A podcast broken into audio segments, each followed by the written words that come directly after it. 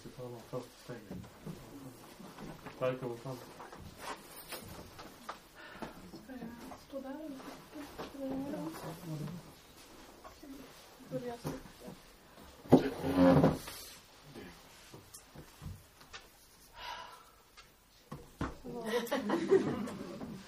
Eh, Just nu så känner jag mig livrädd.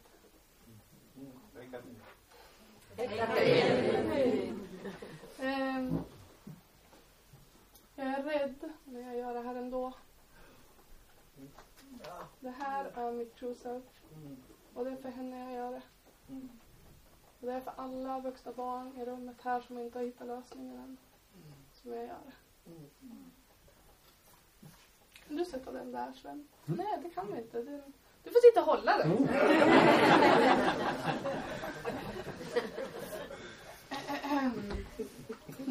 Jag kommer att prata om min lösning så kommer jag att prata om den röda boken. Det är den här. Och jag kommer att prata om gula boken, arbetsboken och det är den. Och jag utgår ifrån dem för det är där jag hittade min lösning. Eh, det var Salam som frågade om jag kunde tala. För ett halvår sedan kanske. Jag sa nej då. Jag fortsatte att säga nej och han fortsatte att fråga. Eh, sen dog ju han.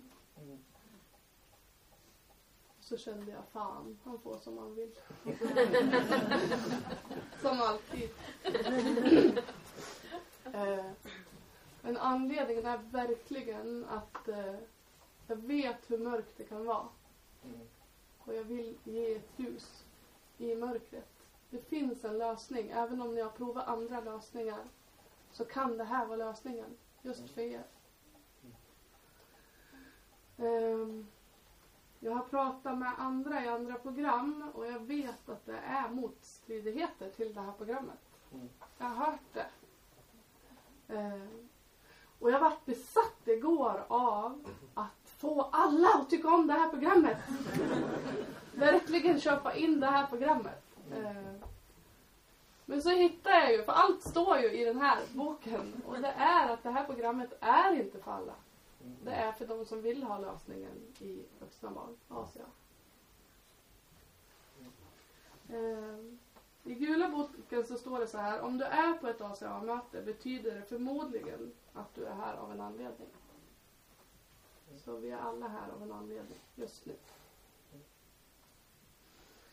Eh, jag tycker det är jättesvårt hur jag ska börja. För man brukar ju tänka liksom, hur var det, hur blev det och hur är det nu? Eh, det som gör det svårt är att jag levde i total förnekelse. Så det är som ett före och efterkapitel i mitt liv. Men den bild jag skulle ha gett er innan programmet det var att jag växte upp med min eh, mamma och bonuspappa. Och ibland bodde jag hos min pappa. Och han var alkoholist. Och han var problemet i mitt liv. Eh, när jag bodde hos pappa så fick jag ta hand om både han och mig. Från väldigt låg ålder. Jag lärde mig precis hur jag skulle sköta hand om mig själv och han. Ehm, och så har jag två syskon som är 12 och 13 år äldre än mig. Och när jag bodde hos min pappa och det blev som värst, då kom de och räddade mig. De kom och hämtade mig. Det är den bild jag skulle ha gett innan programmet. Ehm, Men min eh, resa den började redan 2004. Då eh, min pappa fick behandling och jag fick vara på min första anhörigvecka. Eh, och den anhörigveckan var startskottet för 12-stegsprogram för mig. Jag hittade andra program då och började jobba i stegen. Och jag hittade en lösning i de andra programmen. Saken var att den lösning som kom till mig kom aldrig få stanna. Det var som att det hela tiden fattades en liten pusselbit. Jag jobbade jätteaktivt i programmen. Jag gjorde service. Jag jobbade i stegen. Jag hade gjort alla tolv steg så jag var sponsor. Jag hade sponsier. Men jag vet att jag på slutet av de här åren, jag ringde min sponsor och så sa jag så här att jag gör tionden och nu har jag gjort ett tionde på samma sak hundra gånger om. Och det avlägsnas inte. Det måste vara något som fattas. Och alltså hon hade ju inte gjort den här resan så jag fick ju bara som svar att jag skulle göra ett till tionde på det. Sen fick jag fortsätta göra tionden för det hjälpte inte. Och jag såg i rummen där att det hjälpte ju vissa. De hittade lösningen. De jobbade tolv stegen och det bara det var det här ljuset, den där blicken i ögonen på dem. Och jag såg att det hände något med dem. Men det var som att det bara glimmade till för mig. Men det var aldrig där för att stanna. Mm. Så jag började fundera varför det inte funkade på mig. Och när mitt liv började ordna upp sig, allt var bra utåt, verkligen. Jag började få en trygg familj. Jag jobbade i tolvstegarna, jag hade en så kallad lösning och det funkade ändå inte. Då började jag förlora hoppet och tänkte att det, det finns nog ingen lösning för mig. Och det var som att det eskalerade liksom. Jag började må dåligt och ju sämre jag mådde ju mer blev det liksom att jag bara ville ge upp.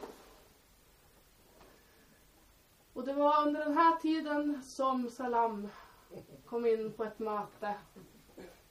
Eh, det var ett Alanon-möte. Och det var som att jag drogs till han. Och så här har det varit för mig i andra program. Att jag har dragits till människor. Eh, och jag tror ju på en högre kraft. Som jag kallar Gud. Och jag tror att det är Guds sätt att ge mig lösningen. Via människor. Och den här gången var det Salam.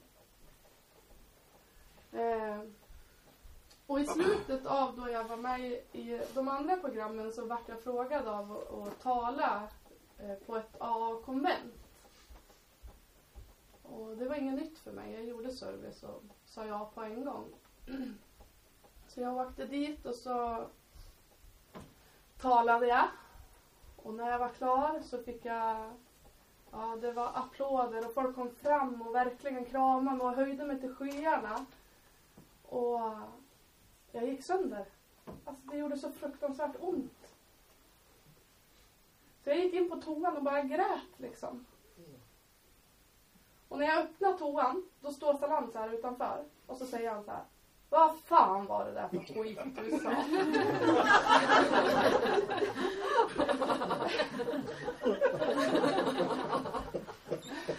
Eh, det där var ju inte du Katrin.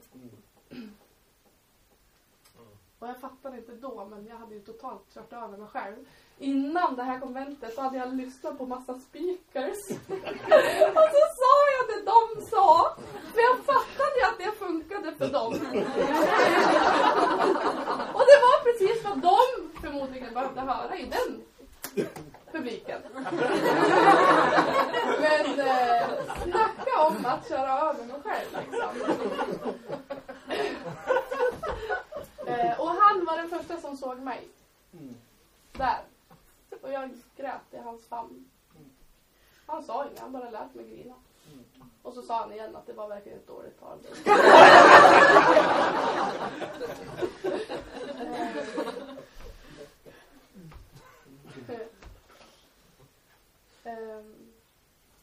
Ja, och så kort därefter då hade han en idé, Salam. Och det var att han skulle öppna ett nytt möte här i Sundsvall. Och återigen så tror jag att det var Guds sätt att få mig till ACA. För jag ville ju hjälpa Salam. Så jag gick på mitt första Asiana. Eh, och på mitt första ACA-möte så bröt jag ihop. Det var som att varenda ord, varenda text handlade om mig. Eh. Men eh, jag hade fortfarande inte nått min botten liksom. Jag bröt ihop och jag bet ihop och så gick jag vidare. Men så en dag var jag på Ikea med mina barn. Jag vill dela om det här tillfället för det här var verkligen hur jag kapitulerade inför sjukdomen, hur jag tog mitt första steg. Jag lämnade in mitt, mina barn på leklandet på Ikea. Sen var det som att jag bara däckades. Jag satt mig i en soffa och jag bara, jag bara grät. Jag tog mig inte upp ur soffan. Och det enda jag hade kraft till det var att ringa Salam och sa att det funkar inte. Hade jag varit själv här nu, hade jag inte varit på Ikea, hade jag inte haft mina barn, då hade jag avslutat det här nu. Jag vill inte längre. Han satt sig i bussen och han kom och han satt där på Ikea och grät med mig. Mm. Och dagen efter, då var smärtan ännu intensivare. Allt jag hade försökt, inget funkar. Verkligen inget. Så jag ringde han igen och så sa jag så här, jag gör vad som helst. Snälla säg bara vad jag ska göra. Säg vad som helst. För jag fixar inte det här något mer. Och det var då han gav mig den här boken. Och så sa han att slå upp sidan ett och börja läsa. Och det kan inte ha varit något annat än Gud som gav mig den, för den är på engelska. Den här tjocka boken. och jag tvivlade inte ens. Det fanns inte, men tänk om ifall att, fast den är på engelska. Det fanns inte. Det var det enda lilla, lilla halmstrå jag hade. Och där började min resa i det här programmet. Jag började läsa i boken. Jag vill dela om eh, några sidor innan första steget. Det är ganska många sidor faktiskt. Och därför jag vill dela om det är för att redan där började mitt tillfrisknande. Redan innan jag började arbeta aktivt i stegen började det. När jag gick in på mitt första möte så började tillfrisknandet. Eh.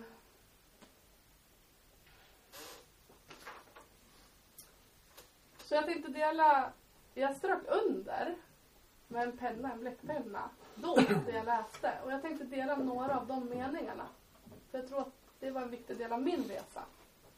Och jag tror att om ni läser den så kommer Gud att visa er vad som är viktigt för er, vad ni ska se. Eh, men den första meningen jag hade strukit under var, och jag har gjort egna översättningar på engelska så ni får ta det här för vad det är. Eh, att inte äga din verklighet eller att inte tala din sanning är en ultimata handling av svek för dig själv. Och det klickade vad som hade hänt på mötet. Jag hade svikit mig själv. Det var inte alls min sanning jag stod och pratade om. Jag gav det jag trodde alla ville höra. Till följd av att jag brakade ihop själv.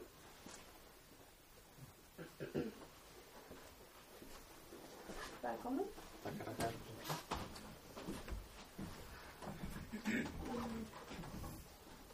Men det som fick mig att fortsätta var eh, nästa mening som jag strukit under med röd penna. Och det är Kommer smärtan någonsin att försvinna? Jag tror att svaret är ja. Så var det den smärta jag kände så fanns det ju hopp. Den kommer att försvinna.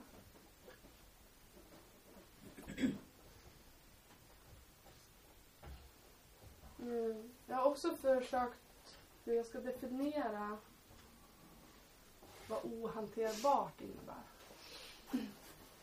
Ni som redan har börjat jobba i stegen och jobba steg ett har nog en egen definition av det. Jag tror att det är väldigt individuellt hur det sker. Men för mig var det en känsla av att inte kunna leva livet. För mig var det en känsla av att vakna varje dag. Och varje dag jag vaknade var det två tankar jag hade. Den första var, inte en dag till. Den andra var, ska det vara så här? Ska livet vara så här? Mm. Men jag fick hopp av den här boken eftersom det att kommer, alltså smärtan kommer att försvinna. Så det är en smärta att vakna varje dag liksom, med första tanken att jag vill inget mer. Det är smärtsamt. Som att varje timme av den här dagen ska jag bara överleva och ta mig igenom.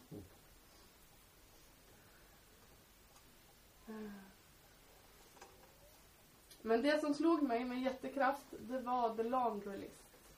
Som är 14 karaktärsdrag. Och om vi känner igen oss av dem så har vi förmodligen hemma i ACA. Så jag tänker dela dem med er. 1. Vi blev isolerade och rädda för människor och auktoriteter. 2. Vi blev bekräftelsesökare och förlorade vår identitet på vägen. 3. Vi blev skrämda av arga människor och all personlig kritik. 4.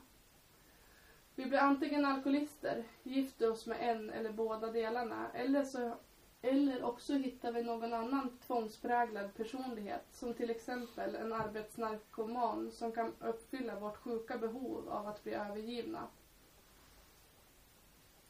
Vi lever livet utifrån ett offers perspektiv och är attraherad av denna svaghet i våra kärleks och vänskapsrelationer. 6. Vi har, har en överutvecklad ansvarskänsla och det är lättare för oss att bry oss om andra än om oss själva. Detta gör det möjligt för oss att inte titta allt för noga på våra egna fel. 7. Vi får skuldkänslor när vi står upp för oss själva istället för att ge efter för andra. 8. Vi blir beroende av spänning. 9.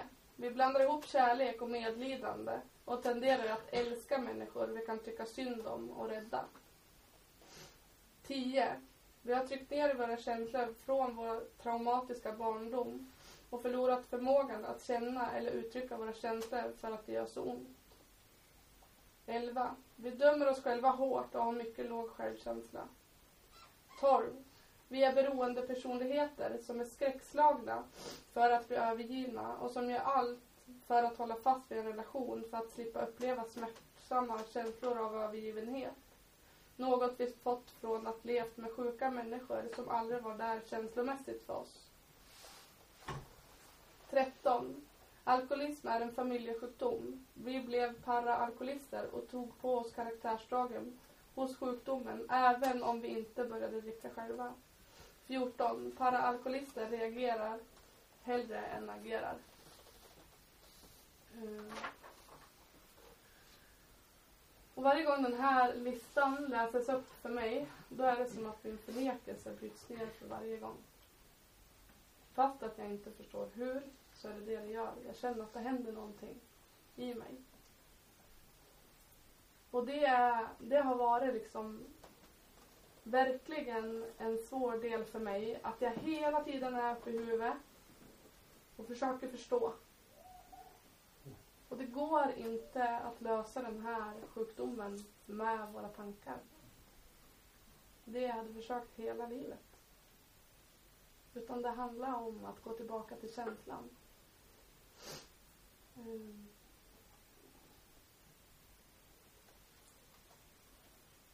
På sidan 7 i röda boken så står det att när vi lever med en förälder som ger oss skuld och skam utvecklar vi ett falskt jag. Och det här falska jaget är det som visas i de 14 karaktärsdragen. Det är därför jag kände mig hemma. Det var inte fel på mig. Jag var inte helt sjuk i huvudet. Det är det jag kände när jag hörde det här. Om det är fler som känner igen sig i det här då kan det ju inte vara bara mig det handlar om. Att det är fel på mig. Mm. Och jag tänker också att i gula boken så står det känslor och begravda minnen kommer tillbaka. Som ny kan man ju tänka, hur gör vi för att det ska komma tillbaka? För mig började det bara genom att gå på möten. Processen liksom skötte sig själv. Mitt första minne jag fick det var genom att ha gått på möten och så började jag läsa i boken. Och första minne jag fick som jag inte alls hade varit i kontakt med eh, det var, jag är runt sex år. Min mamma är jättearg. Hon har bråkat med min bonuspappa. Så hon liksom slänger in mig i bilen. Jag minns att det var en Saab och jag minns lukten i bilen. Och så går hon och sätter sig i förarsidan och så tar hon bilen. Jag har inget säkerhetsbälte. Och så kör hon. Och ju mer vi kör, ju fortare kör hon. Till slut så skriker hon bara när vi närmar oss en, en, eh, ett berg att eh, nu kör jag in i berget. Nu ska jag döda oss båda. Jag orkar inte leva något mer. Jag har förstått efteråt att jag var fruktansvärt rädd. Och jag har börjat känna på den rädslan. Det gör jätteont. Men det som hände var att det stängde jag av. Och så satt jag och lugnade min mamma i bilen. Och jag fick hon lugn så hon stannade bilen. Eh, och så vände hon om och åker hem. Och blev vän med min bonuspappa. Sen pratade vi aldrig om det. Det var som att det inte hade hänt. Det jag lärde mig av det här, har jag insett, är att det är bara jag som kan göra min mamma och andra lugn. Det ansvaret ligger på mig. Och när folk förut har sagt så här att Katrin, du dör inte av att inte vara den som fixar. Så är det faktiskt så att det är det som har varit min känsla. För det handlade om liv och död för mig i den situationen. Posttraumatisk stress. Mm. Jag lärde mig också att för att bli lugn så ska man ha en man. Det är han som kan göra mig lugn. Helt beroende av en man.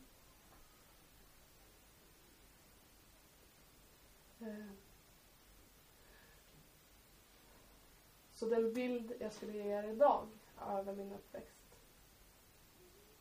är ju att jag växte upp med en mamma som var psykiskt sjuk. Och djupt medberoende. Och jag var inte alls trygg där. Men jag inser också att jag behövde den här fantasibilden för att överleva. Jag hade aldrig överlevt annars. Jag behövde den här glamorifierade bilden för att fixa det. Och de här minnena, de har börjat komma. Men det är inte de värsta minnena som gör mest ont. Utan det är de här små detaljerna. Innan jag skulle hit nu och tala så bröt jag ihop i morse.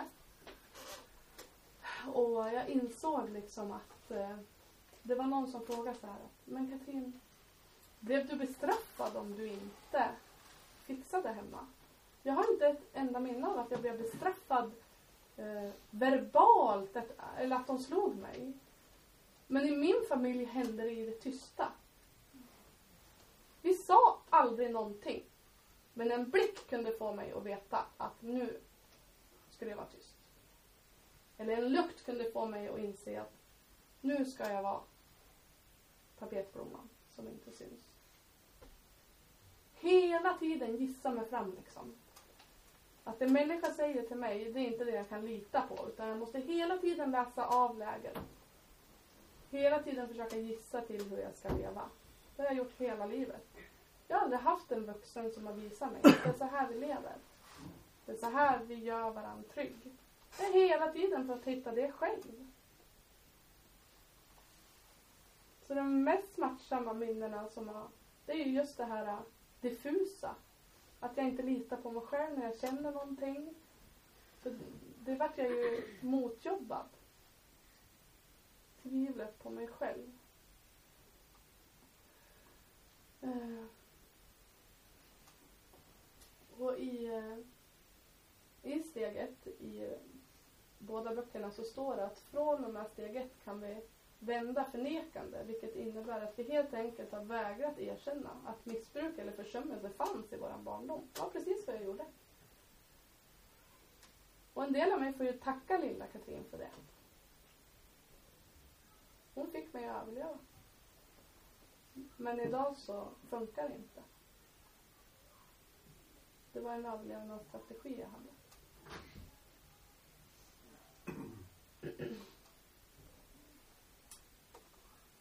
Och i Röda boken står det så bra beskrivet att basen för förnekande är budskapet. Tala inte. Lita inte på någon och känn inte. Och tidigt i programmet så kände jag igen det här, att det är ju det här jag gör. Men jag skulle aldrig kunna ha sagt hur. För jag var bara van det som skedde, så jag visste inte ens att det var skevt.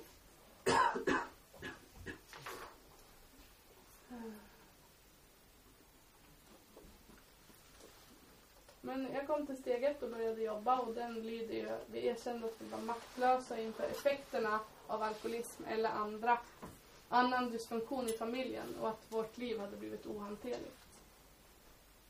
Eh,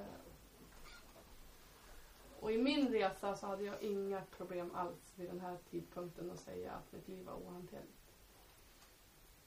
Jag hade gjort många första steg.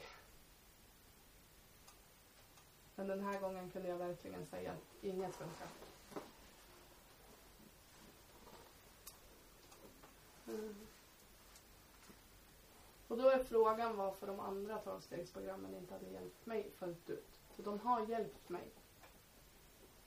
Svaret är ju för att jag är ett vuxet barn. Jag har andra sår att läka.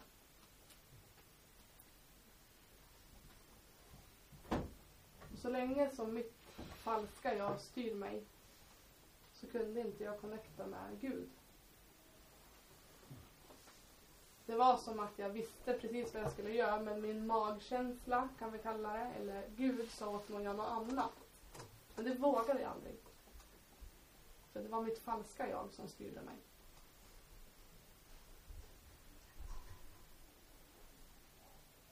Mm.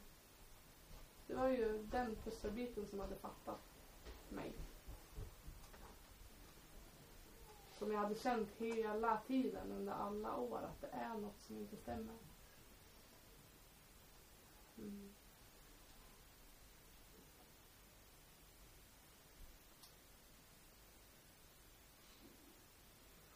Jag är helt övertygad om att jag behövde de programmen då. Det var en del av min resa. Jag är också helt övertygad om att de andra programmen hjälper. Och det står jättetydligt i den röda boken att vi ska samarbeta med andra tolvstegsprogram. Jag behövde bara någonting mer och det fann jag i det här programmet.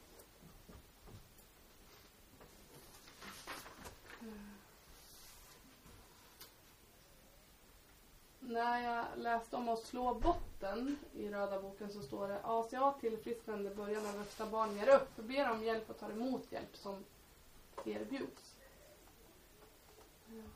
Om jag relaterar till det som hände mig då, det var ju när jag gav upp på IKEA. Och ringde och sa jag kan inte. Telefonsamtalet till Salam det var ju att be om hjälp. Och den stora skillnaden det är ju det här att acceptera den hjälp som erbjuds. Jag hade i jätte, jättemånga år känt att det finns en högre kraft och jag trodde på han. Men sen nästa steg att att våga gå på vägledningen jag får av min Gud. Den vågade jag aldrig.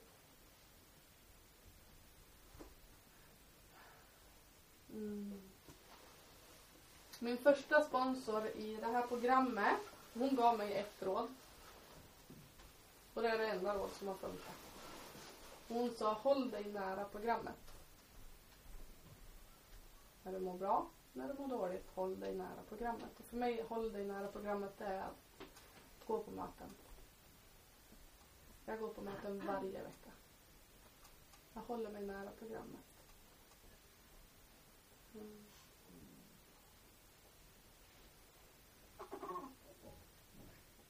Första steget ska man också rita upp ett familjeträd. Eh, och budskapet är ju att se att jag hade inte kunnat bli något annat än ett vuxet barn. När jag skulle rita upp mitt eh, familjeträd så kunde jag inte. Min mamma och pappa är död. Jag har inte träffat min släkt. Jag har inte den kunskapen. Men det gör inget. För Gud har visat mig efter vägen precis vad jag behöver se. Och jag kunde börja med det jag visste. Och det jag visste är ju att min mamma och pappa var dysfunktionell. Då kunde jag också förstå att de hade ju ärvt det.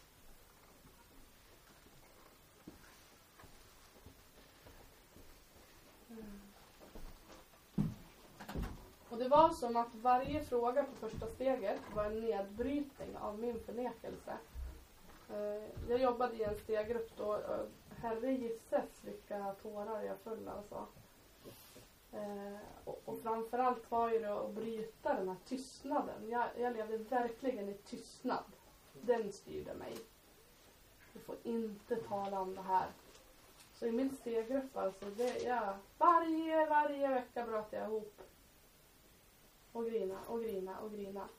För att jag såg ju själv, för varje steg jag gjorde liksom. För varje fråga så såg jag en ny sanning.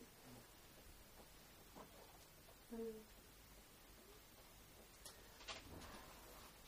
En fråga där i alla fall så står det eh, om vad som var min botten.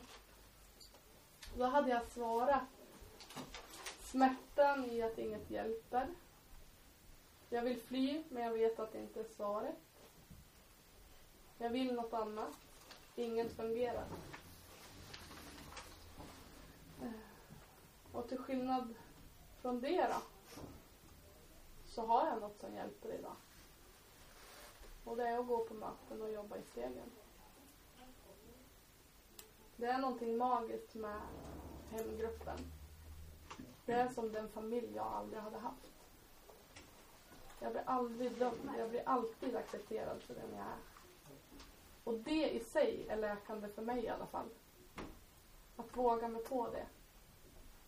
Våga och ta emot den kärleken. Mm. Och för mig, som många andra också har beskrivit det, just det här med Salam, hur han har varit en viktig del i mitt tillfrisknande. Var just eftersom han gav mig det jag behövde. Påtvingad kärlek. Fast på ett fint sätt. Han kunde ligga en hel dag i min soffa och bara vara tyst. Och efter månader så vande jag mig med att det är okej.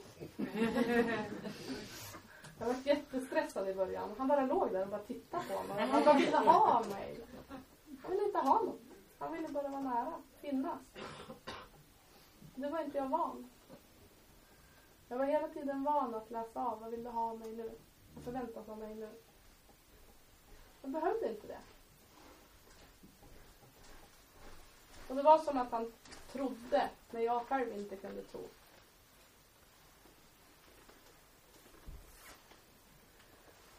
Mm.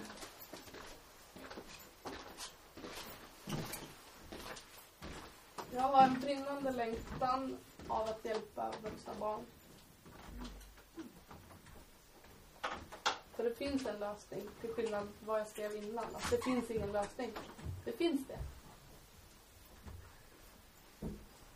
Vändningen kom för mig där, i den här boken. Och på mötena.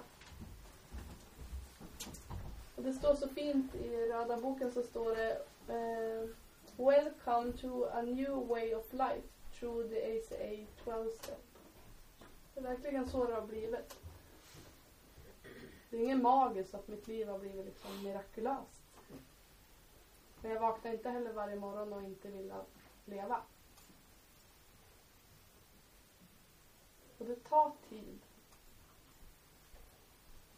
Maria pratade igår och sa liksom att du hade sagt till din sponsor liksom. När är jag klar med tolvstegen då, liksom? Jag kan känna igen det. För vi vill, jag vill så gärna ha en förändring. Men den sker och den sker, det är som att man kan titta tillbaka och se att det har skett en enorm förändring. Fast jag inte ens reflekterat över det. Mm. Så för er som är ny, våga gå på ert första möte. Fortsätt att gå på möten. Det hjälper. Det är okej okay att vara rädd. Vi gör det ändå. Tack. Tack.